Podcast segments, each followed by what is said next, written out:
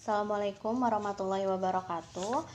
Minggu kemarin kakak udah share materi tentang uh, administrasi dalam pengelolaan usaha. Nah, kalau di buku produk kreatif itu ada di halaman 74. Materi ini udah masuk ke bab berikutnya yaitu bab 3 ya. Karena kemarin kita udah selesai bab 1 dan bab 2. Nah, sekarang kita masuk ke bab 3. Nah, apa aja sih yang harus eh, teman-teman uh, kuasai ketika mempelajari bab ini? Uh, jujur, kompetensi dasar yang harus teman-teman tahu ya apa sih alasan teman-teman belajar ini? Yang pertama teman-teman harus mampu ya nantinya menerapkan dokumen administrasi usaha dan yang kedua adalah membuat dokumen usaha. Seberapa penting sih dokumen usaha ketika teman-teman punya e, atau mau membuka suatu usaha gitu? E, di sini pasti teman-teman tahu dong kalau misalkan toko toko-toko di emperan atau misalnya mall atau uh, pokoknya toko-toko yang udah berdiri itu pasti punya izin teman-teman. Ya kecuali kalau kayak warung kelontongan atau yang kayak somai pinggir jalan dan lain sebagainya mereka nggak perlu izin. Nah tapi kalau uh, toko yang memang dia uh, berbentuk bangunan gitu ya terus uh, mall dan lain sebagainya itu penting banget yang namanya izin Nah, dalam administrasi e, bab ini ya, bab administrasi dalam pengelolaan usaha ini, teman-teman yang dipelajari ada dua hal. Yang pertama adalah administrasi usaha dan yang kedua adalah manajemen dokumen usaha. Nah, dalam administrasi usaha itu sendiri mempelajari ada e, 1 2 3 4 5 6 7. Ada 7 pelajaran yang harus teman-teman kuasai. Yang pertama adalah pengertian dari si administrasi usaha itu sendiri. Lalu ciri-ciri administrasi, fungsi administrasi, maksud dan tujuannya si administrasi usaha itu apa, pengaturan dan pelaksanaan administrasi usaha, ruang lingkup administrasi, dan aspek administrasi dalam pengelolaan usaha.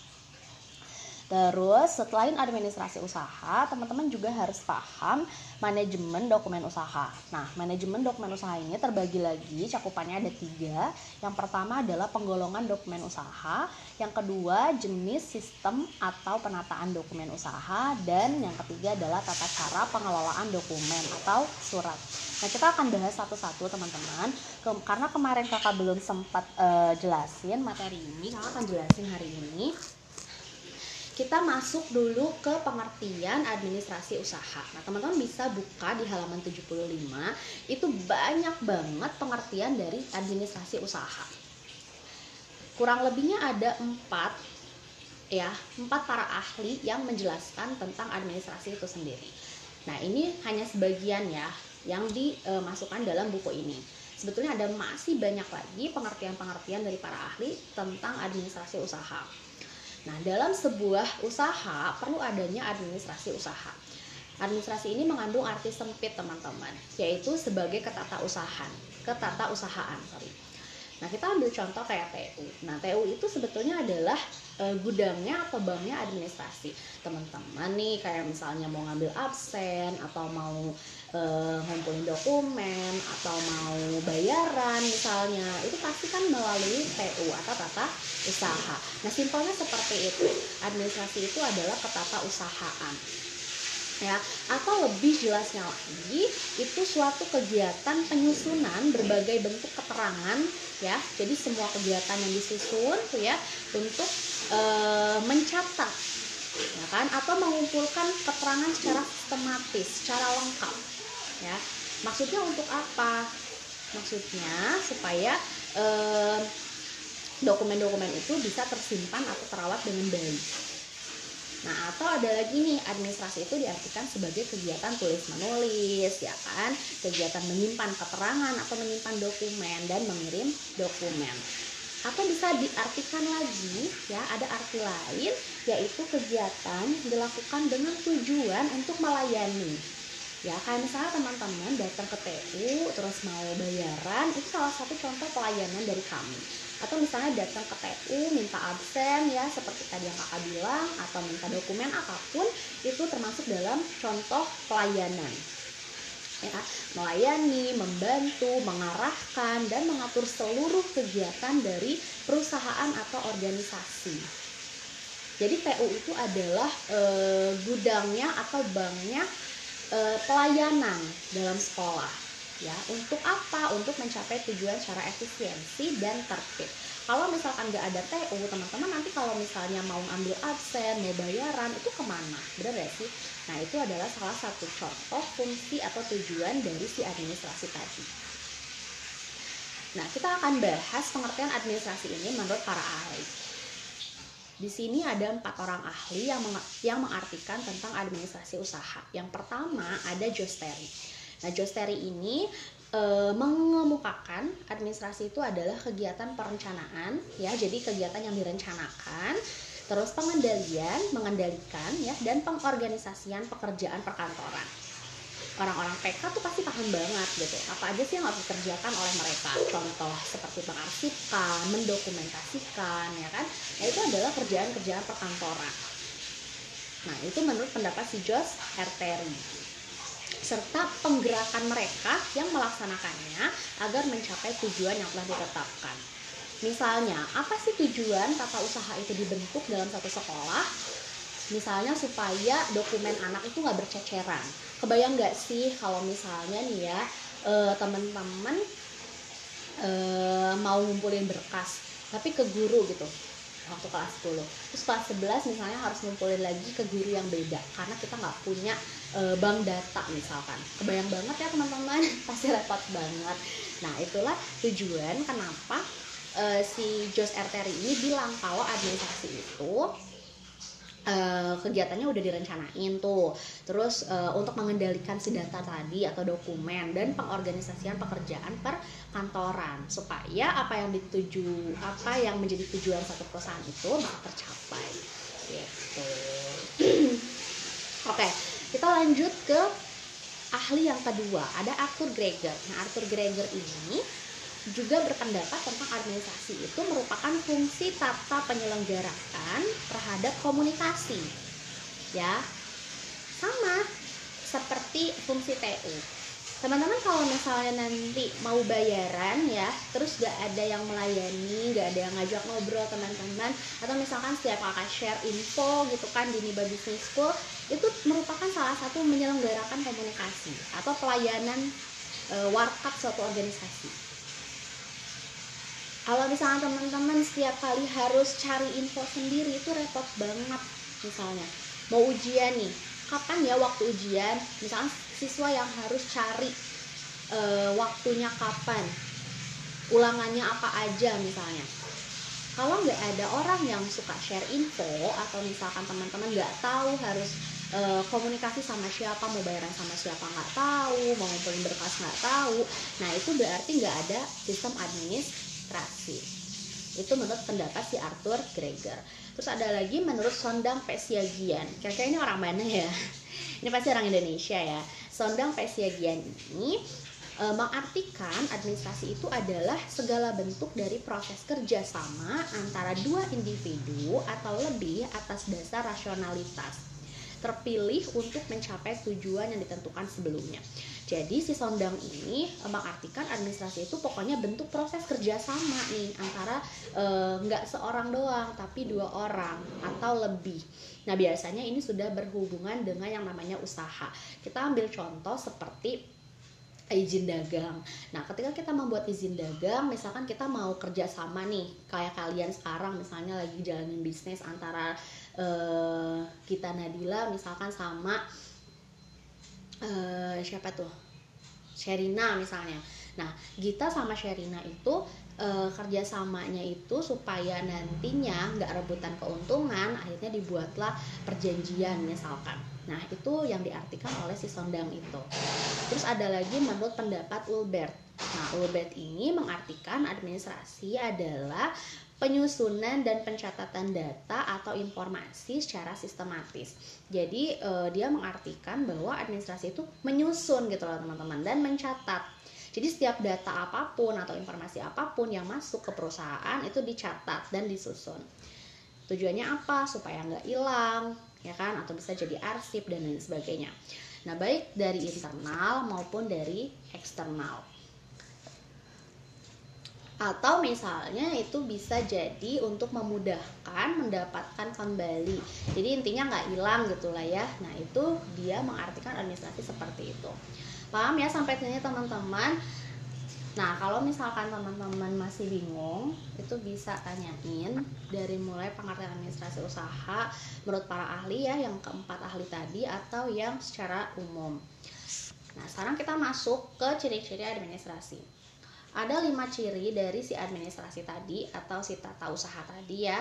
Itu ada lima ciri-ciri. Yang pertama adalah Coba teman-teman baca deh di halaman 76 yang A itu terdapat sekelompok orang. Berarti ketika e, membangun satu administrasi atau mendapatkan sebuah administrasi atau melakukan kegiatan administrasi itu nggak bisa sendirian ya karena bukan jomblo ya. itu mm, harus dilakukan oleh dua orang atau lebih ya. Jadi terdapat sekelompok orang baru bisa namanya membangun administrasi. Terus yang kedua terdapat bentuk kerjasama sekelompok orang. Yang seperti kakak contohkan tadi misalkan Gita sama Sherina lagi bangun bisnis. Nah terus kalau nantinya takut keuntungannya e, bingung harus gimana atau misalkan keuntungannya takut nggak adil itu bisa banget pakai surat perjanjian ya kan? Itu termasuk dalam salah satu ciri administrasi. Jadi ada kerjasama atau misalnya kalian mau bangun toko terus harus buka toko ya kan? Nah ketika buka toko kan harus dapat izin dagang siup dan lain sebagainya. Akhirnya teman-teman datang ke eh, tempat yang memang mengeluarkan izin tersebut. Itu juga termasuk dalam bentuk kerjasama untuk membangun si administrasi Terus terdapat tujuan yang akan dicapai. Nah, tujuannya apa sih ketika teman-teman e, melakukan kegiatan administrasi tadi? Contoh seperti tata usaha ya atau bagian TU. Kenapa sih harus ada e, TU di sekolah? Supaya teman-teman kalau bayaran tuh gak bingung harus ke mana. Atau misalkan kalau mau cari absen, mau cari e, nilai atau misalkan mau ngumpulin berkas, dokumen dan lain sebagainya, itu teman-teman gak bingung gitu loh ini harus ke siapa ya? Harus ke guru mana? Nah karena kita udah ada TU sampai ke informasi teman-teman eh, nyari guru misalnya atau eh, nanyain soal ujian itu juga bisa ke bagian tata usaha. Itu jadi ada tujuan yang akan dicapai. Terus yang keempat adalah terdapat proses kegiatan usaha. Nah ini juga menjadi salah satu ciri administrasi ya harus adanya proses kegiatan usaha Terus yang kelima adalah terdapat aspek kepemimpinan, bimbingan, dan pengawasan. Nah dari kelima ciri ini ada yang mau teman-teman tanyain, nanti tanyain ya. Terus kita lanjut ke fungsi administrasi. Nah fungsi dalam ternyata di administrasi ini nggak cuman ada maksud dan tujuan, tapi juga ada fungsinya. Fungsinya apa aja? Nah, kita bisa lihat tuh di halaman 76 juga masih ada empat poin yang menjadi fungsi dari si administrasi. Yang pertama adalah melengkapi dan menyediakan serta mengelola berbagai buku administrasi perusahaan dengan baik dan teratur. Nah, kalau teman-teman tahu, bagian tata usaha pun seperti itu di TU sekolah. Kita itu e, melengkapi dari mulai berkas anak, dari nama, alamat, terus nama orang tua sampai kita tahu loh golongan darah teman-teman itu apa terus tinggi badan ketika masuk sekolah itu berapa. Sampai uh, yang terbaru itu adalah lingkar kepala. Kita bahkan bisa tahu loh pihak sekolah lingkar kepala teman-teman itu berapa. Nah itu karena uh, menjadi salah satu fungsi si administrasi tadi ya Terus ada yang kedua, fungsi administrasi itu adalah mencatat berbagai alat perlengkapan dari perusahaan dan berbagai kegiatan usaha ke dalam buku administrasi. Kita ambil contoh deh, kayak misalkan teman-teman lihat kan, ada lemari, di sekolah ada buku, terus ada meja dan lain sebagainya. Itu pasti dicatat teman-teman sama bagian administrasi. Nah, pokoknya kalau di SMK adalah yang suka nyatet-nyatet gitu, nyatet barang yang masuk itu apa misalkan kayak komputer baru atau misalnya printer baru itu ada yang khusus mencatat bagian itu. Nah sama ketika teman-teman nanti membuka usaha juga harus dicatat nih apa sih perlengkapan yang memang e, disediakan ketika akan bangun usaha. Kayak teman-teman bikin proposal bisnis kemarin ya, itu kan kayak pisau, eh kalau misalnya yang kuliner ya sorry, kayak pisau, misalkan kompor dan lain sebagainya itu dicatat karena nantinya kita harus tahu apa aja sih perlengkapan yang memang digunakan dari usaha itu tujuannya. Nah, itu ya mencatat berbagai alat perlengkapan. Terus yang ketiga fungsi dari administrasi adalah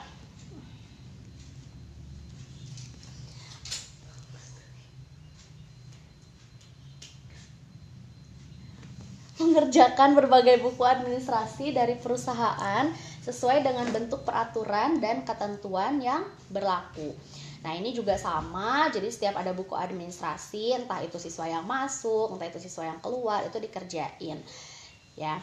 Terus yang keempat adalah melihara berbagai buku administrasi perusahaan dengan baik dan benar. Tujuannya apa? Supaya nanti dokumen misalkan teman-teman udah lulus 20 tahun yang akan datang, terus teman-teman pengen tahu nih misalkan uh, aku angkatan berapa ya terus waktu dulu uh, aku nilainya berapa ya misalkan nah itu bisa banget dicari karena kita memelihara sebagai uh, administrasi itu fungsinya adalah memelihara memelihara melihara buku administrasi perusahaan dengan baik dan benar. Jadi catatan apa pun dari tahun berapapun kita bisa keluarkan karena administrasinya diurus dengan baik. Itu teman-teman. Jadi ada empat fungsi dari si administrasi. Oke, sampai sini paham ya. Kalau misalkan ada pertanyaan, teman-teman bisa tanyakan langsung. Oke. Dan yang keempat, itu ada yang namanya maksud dan tujuan dari si administrasi usaha. Nah, maksud dan tujuan dan administrasi usaha ini apa? Jadi, supaya seorang pebisnis atau wirausaha atau apalah ya, pemilik usaha ya atau perusahaan itu bisa mampu melaksanakan kegiatan yang enam Kegiatannya apa aja? Yang pertama ada memonitor berbagai kegiatan dan mengendalikan usaha. Jadi setiap kegiatan itu kita bisa pantau ya teman-teman karena adanya administrasi usaha. Coba deh teman-teman pikir, perusahaan segede Unilever, kalau misalkan bosnya harus turun tangan langsung atau ownernya atau pemiliknya harus turun tangan langsung, kira-kira bisa nggak ketika pabriknya ada di semua negara misalnya terus bosnya harus turun tangan langsung hanya untuk menanyakan berapa keuntungan per bulan kira-kira bisa nggak Enggak ya. Nah, dari si administrasi inilah si bosnya atau si pemiliknya itu bisa tahu berapa keuntungan per bulan pabrik A, pabrik B, pabrik C. Gitu. Yang kedua, mengamankan jalannya pelaksanaan kegiatan dari usaha yang dijalankan. Nah, eh, kita balik lagi ya ke si pemilik Unilever tadi. Kalau misalkan si pemilik Unilever ini eh, nggak pengen rugi gitu kan, karena misalkan dari setiap perusahaan itu kan pasti ada manajernya atau dan lain sebagainya lah. Nah, ketika uh, dia menjalankan usaha, pasti dia perlu yang namanya uh, pengamanan data atau pengamanan keuntungan misalnya. Nah, teman-teman tahu kan, gak mungkin si bos itu uh, apa datang ke satu-satu perusahaan tadi hanya untuk ngecek kira-kira pabrik ini bener gak sih laporan keuangannya ya kan? Kira-kira negara ini bener nggak sih setoran uangnya gitu kan? Tuh nggak mungkin banget ya. Nah akhirnya dibuatlah administrasi usaha ya untuk mengamankan jalannya pelaksanaan tadi. Atau misalnya kira-kira e, si pemilik itu bisa nggak sih datang langsung ke pabrik A misalkan hanya untuk menanyakan si supervisor ini kerjanya bagus nggak sih kinerjanya? Kenapa di e, di pabrik di negara ini misalkan kok e, kerugiannya bisa mencapai segini Kira-kira pemiliknya langsung gak sih datengin manajernya hanya untuk menanyakan kenapa kamu rugi di bulan ini? Itu enggak ya teman-teman. Nah, itu makanya dibuatlah sistem administrasi. Nah, maksud dan tujuan yang ketiga adalah melakukan evaluasi kegiatan usaha. Jadi dievaluasi teman-teman, kenapa per tahun ini Unilever bisa untung misalnya? Karena ada data, jadi kita bisa mengevaluasinya dengan baik. Coba kalau nggak ada data, cuma ngira-ngira Misalkan ketika rapat evaluasi. Jangan jauh-jauh ke Unilever deh. Contoh kalau misalkan kalian ikut organisasi atau ikut OSIS dan lain sebagainya atau misalkan mau menyelenggarakan acara. Terus kalian mengevaluasi. Ya, uh, bulan Januari kalian melakukan kegiatan apa aja nih terus kalian lupa gitu kan namanya manusia pasti ada batas lupanya ya seingat-ingatnya sepinter-pinternya manusia pasti ada lupanya benar gak sih nah terus teman-teman lupa dan gak ada administrasi sama sekali kira-kira kita bisa melakukan evaluasi nggak Enggak ya. Nah, itu adalah uh, salah satu maksud dan tujuan si administrasi. Jadi teman-teman bisa melakukan evaluasi kapan pun. Misalkan teman-teman udah lulus ya 20 tahun yang akan datang, teman-teman pengen tahu lagi misalnya pengen evaluasi lagi kenapa dulu aku e, nilainya jelek misalkan Nah, kita udah ada catatan evaluasi karena teman-teman males misalkan, teman-teman bolos, teman-teman nggak pernah ikut e-learning misalnya, ya kan? Teman-teman misalnya datangnya telat terus ke sekolah. Nah, itu salah satu contoh eh, maksud dan tujuan dari si administrasi tadi supaya bisa melakukan eva evaluasi.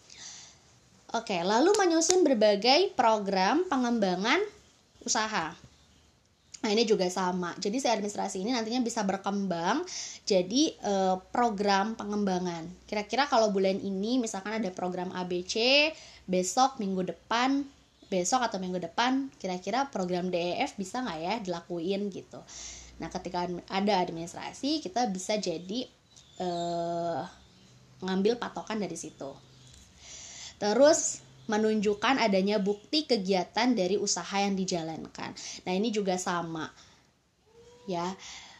Misalnya teman-teman mau mengajukan uh, proposal bisnis ke investor atau misalnya teman-teman mau cari dana ke orang lain untuk uh, teman-teman mau ngutang deh misalnya ke bank ya kan nah teman-teman harus melengkapi dong ya administrasinya apa aja karena itu bisa menjadi bukti kegiatan bahwa usaha teman-teman itu nggak cuma bayangan. Jadi ada buktinya gitu loh. Nah itu ya. Terus yang terakhir eh sorry yang keenam maksud dan tujuan administrasi itu adalah mengambil keputusan dalam hal untuk pengembangan dan pengendalian dari usaha yang dijalankan. Nah, ini juga bisa jadi salah satu contoh uh, untuk mengambil keputusan ketika teman-teman ada administrasi usahanya.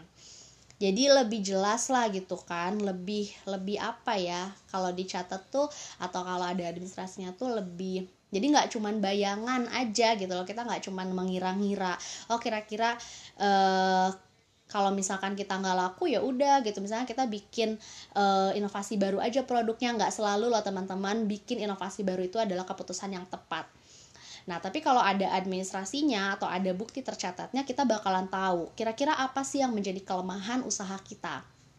Misalnya. Nah, itu adalah keenam dari maksud dan tujuan si administrasi. Sampai sini paham? Kalau nggak paham, bisa ditanyain. Oke, kita lanjut ke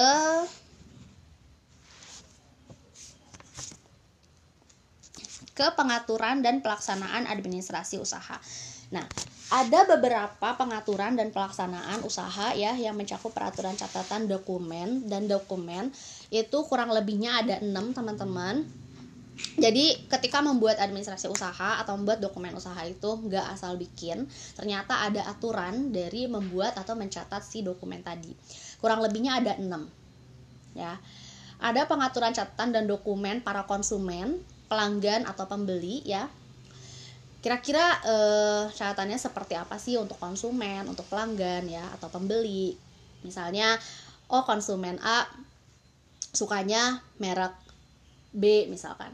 Oh konsumen A lebih suka warna pink misalnya dibandingkan warna biru. Oh konsumen B lebih suka warna merah misalnya. Itu bisa jadi catatan. Ya itu catatan untuk konsumen pelanggan dan juga pembeli atau misalnya kenapa sih dia bisa menjadi pelanggan di perusahaan kita oh misalnya karena harganya murah atau misalnya karena produknya cocok untuk dia itu adalah salah satu eh, pengaturan catatan dan dokumen untuk si konsumen, pelanggan atau pembeli. Terus yang kedua ada pengaturan catatan dan pengarsipan dokumen-dokumen perusahaan. Nah, kalau ini berhubungan sama arsip dokumen yang teman-teman nanti pegang. Ya, nanti kita akan bahas teman-teman apa aja sih dokumen-dokumen dari si perusahaan ini. Nah, kita lanjut dulu ke pengaturan catatan dan dokumen inventaris barang, dagangan dan sebagainya. Nah, ini lebih ke inventaris ya atau barang apa aja sih yang teman-teman pakai, terus yang nantinya disimpan untuk jangka panjang atau jangka lama. Nah, itu dicatat juga. Terus pengaturan catatan dan dokumen personalia perusahaan ini juga sama nanti kita bahas di materi berikutnya. Terus pengaturan catatan dan dokumen transaksi usaha ini dari mulai uh, ini lebih ke ini sih transaksi per hari ya yang nantinya akan direkap menjadi ke, e, keuangan per bulan ya. Misalkan yang beli hari ini berapa orang misalnya. Terus uh, penjualan berapa piece keuntungannya berapa. Nah itu dokumen transaksi usaha. Terus yang keenam ada pengaturan catatan dan dokumen pemasaran dan penjualan produk. Nah ini lebih ke pemasarannya seperti apa ta uh, target promosinya kayak gimana eh target pemasarannya siapa aja terus cara promosinya seperti apa itu juga ada dokumennya gitu. Nah, jadi ada enam ya teman-teman untuk pengaturan dan pelaksanaan administrasi usaha. Ada dokumen untuk si konsumen, pelanggan dan pembeli, terus ada pengarsipan dokumen perusahaan, ada dokumen inventaris barang, dagangan ya. Terus ada dokumen personalia perusahaan. Ini lebih ke manajemen sih kalau personalia perusahaan ya, orang-orangnya siapa aja. Terus dokumen transaksi usaha ya dan dokumen pemasaran dan penjualan produk. Ya, jadi ada enam untuk pengaturan dan pelaksanaan administrasi usaha. Dan yang keenam, tadi kita udah bahas pengertiannya, ciri-ciri, fungsi, maksud dan tujuan, pengaturan dan pelaksanaan administrasi dan sekarang yang keenam adalah ruang lingkup dari si administrasi. Nah, ruang lingkup tugas dari administrasi di perusahaan itu adalah pelayanan di sekitar e, keterangan yang ada wujudnya.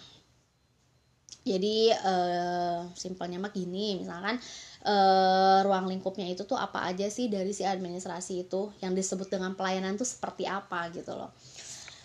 Nah, yang pertama itu ada menghimpun. Uh, ada yang tahu menghimpun? Jadi uh, menghimpun ini kayak merangkum gitu loh, merangkum ya kan.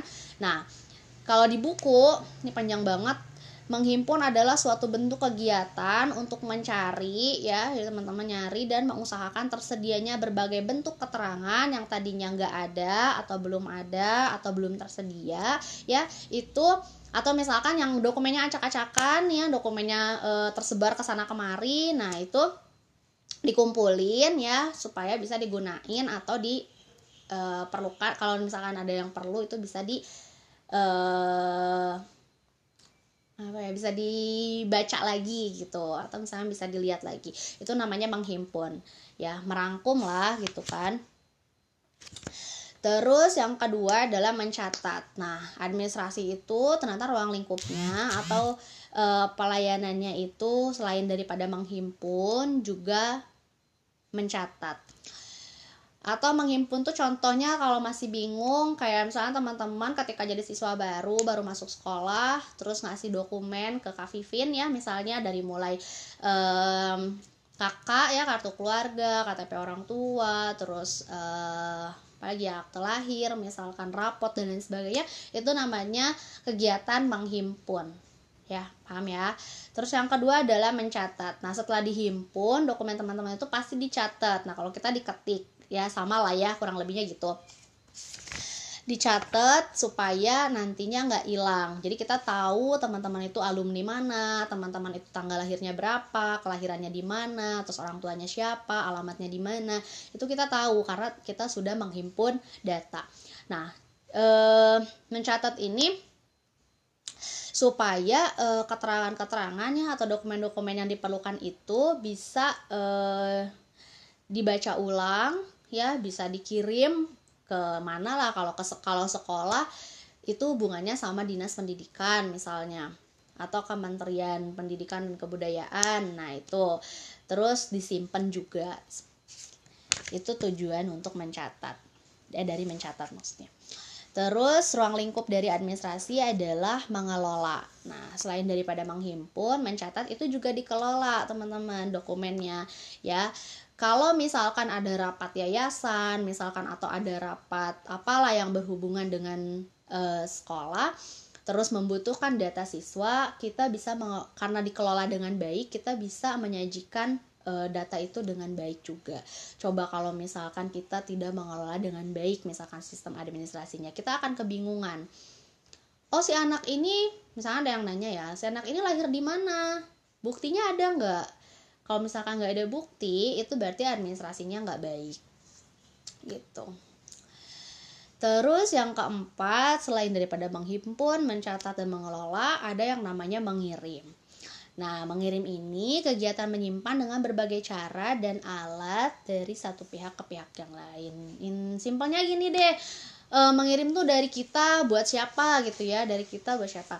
Nah, jadi misalkan kalau sekolah seperti yang kakak bilang tadi, dokumen teman-teman itu nggak berhenti sampai di sekolah, tapi itu nanti ke dinas pendidikan, ke kementerian. Nah, kita uh, kayak kemarin kakak ngumpulin nomor telepon kalian, itu bukan semata-mata sekolah yang ngasih, tapi itu yang ngasih adalah kementerian atau uang negara ya teman-teman uang negara. Nah, makanya kenapa kakak kumpulin kemarin nomor telepon misalnya supaya nanti bisa dikirim ke sana ke pemerintah, nanti pemerintah e, mencairkan kuota misalnya. Nah, karena ada administrasi yang jelas e, terus di e, ya ada administrasi yang jelas ya dari nomor telepon dicatat dengan baik terus dikirim nah akhirnya nyampe lah misalkan kuota kalian. Nah itu salah satu contoh ruang lingkup dari si administrasi. Jadi ada menghimpun terus mencatat mengelola lalu mengirim. Dan yang kelima adalah menyimpan.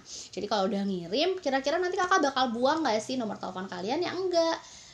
Kakak nanti setelahnya akan menyimpan nomor-nomor kalian misalkan. Nah menyimpan ini e, pengertiannya adalah kegiatan meletakkan ya atau menaruh nenden lah ya nyimpen. Terus dengan berbagai cara di tempat tertentu yang aman pastinya yang aman. Kenapa? Supaya nggak hilang. Oke sampai sini teman-teman. Karena kemarin materinya cuma sampai poin 6 jadi kakak e, jelasin sampai poin 6 karena waktu juga udah mulai uh, habis ya kita punya 10 menit untuk berdiskusi untuk nanya. Jadi teman-teman dimohon aktif. Kalau misalkan yang nggak paham itu bisa langsung tanyain ya. Kita diskusi di e-learning. Oke? Okay? uh, assalamualaikum warahmatullahi wabarakatuh